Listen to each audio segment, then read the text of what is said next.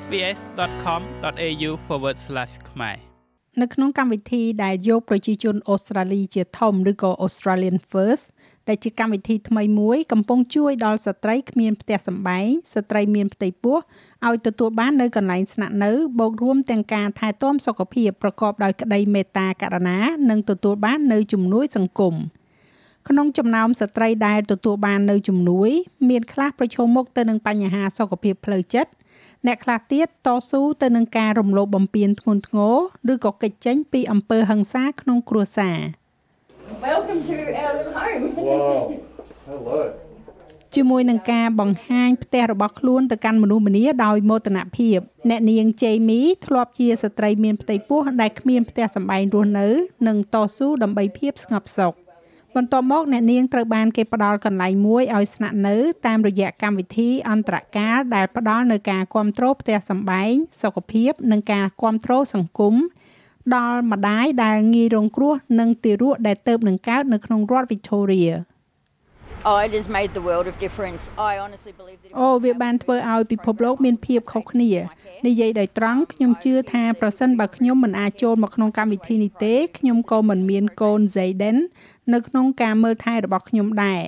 ខ្ញុំខ្លាចថាកូននឹងត្រូវដកចេញពីការមើលថែទាំរបស់ខ្ញុំមុនពេលចូលកម្មវិធី Cornelia នេះ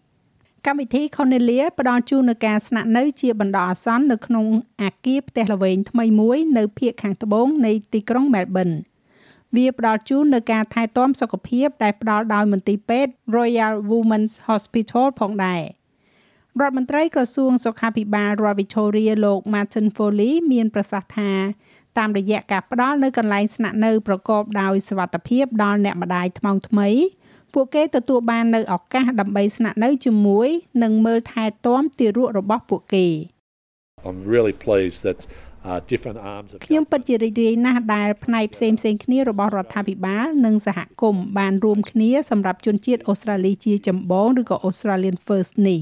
វាជាអ្វីដែលនឹងធ្វើឲ្យកុមារដ៏ស្រស់ស្អាតទាំងនេះមានជីវិតកាន់តែប្រសើរឡើង អង្គការផ្ដល់ផ្ទះរដ្ឋឈ្មោះថា Housing First គឺជាផ្នែកមួយនៃកម្មវិធីនេះ CEO អ្នកនាង Hale Humi មានប្រសាសន៍ថាវាកំពុងតែផ្លាស់ប្ដូរជីវិតមនុស្សជាច្រើនដោយដែលបុគ្គលិកបានរំពឹងទុក We wanted to break the intergenerational យើងចង់បំបែកវដ្តនៃគុណវិបត្តិអន្តរជំនាន់ដោយផ្ដល់ឲ្យអ្នកម្ដាយថ្មងថ្មីនៅដំបូលសុវត្ថិភាពដែលផ្ដល់ទីជម្រកដល់ពួកគេនិងការទទួលបាននៅសេវានិងការគ្រប់គ្រងចាំបាច់នានាដើម្បីបង្កើនជំនាញនិងឯករាជ្យភាព។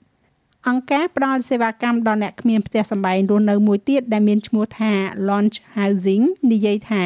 កង្វះខាតលំនៅឋានដែលមានតម្លៃសមរម្យកំពុងតែជំរុញឲ្យមានតម្រូវការសម្រាប់កន្លែងរស់នៅជាច្រើននៅក្នុងកម្មវិធីនេះលោក Andrew Hollow នៃអង្គការនេះចង់ឃើញមានការបង្កើតឡើងនៅកន្លែងស្នាក់នៅបណ្ដោះអាសន្នបន្ថែមទៀតនៅជុំវិញរដ្ឋ Victoria This facility accommodates um, កន្លែងនេះផ្ទុកបានស្ត្រី36នាក់និងទារករបស់ពួកគេយើងអាចមានមនុស្សស្នាក់នៅក្នុងមណ្ឌលបែបនេះ3ឬក៏4កន្លែងឬក៏ច្រើនជាងនេះទៀតបានយ៉ាងស្រួលព្រោះថានៅមានតម្រូវការច្រើនណាស់ដែលមករកយើងអ្នកនាងអេម៉ាធ្លាប់គេងនៅលើសាឡុងនិងរស់នៅក្នុងលំនៅឋានខុសច្បាប់សម្រាប់រយៈពេលដែលនាងមានផ្ទៃពោះ7ខែដំបូង។ អ្នកនាងនិយាយថាការចូលមកនៅក្នុងកម្មវិធីនេះគឺជាអំណោយដ៏មហិមាមួយ I was finally able to actually take a big នៅទីបំផុតខ្ញុំពិតជាអាចដកដង្ហើមធំចេញមកបានហើយហើយមានអារម្មណ៍ថាស្រួលខ្លួនខ្ញុំអាចទទួលបាននៅរបបអាហាររបស់ខ្ញុំត្រឡប់ទៅជាទទួលទានអាហារដែលមានសុខភាពល្អវិញ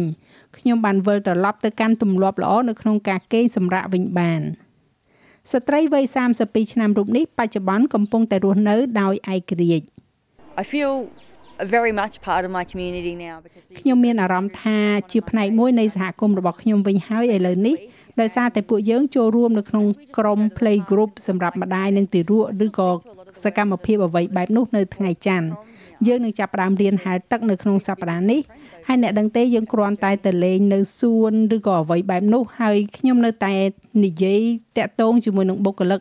និងអ្នកជួយគ្រប់គ្រងជាច្រើនដែលជួយយើងពីចំណុចនេះទៅពីព្រោះថាពួកយើងបានคลายទៅជាមិត្តនឹងគ្នានៅក្នុងការធ្វើដំណើររបស់ខ្ញុំ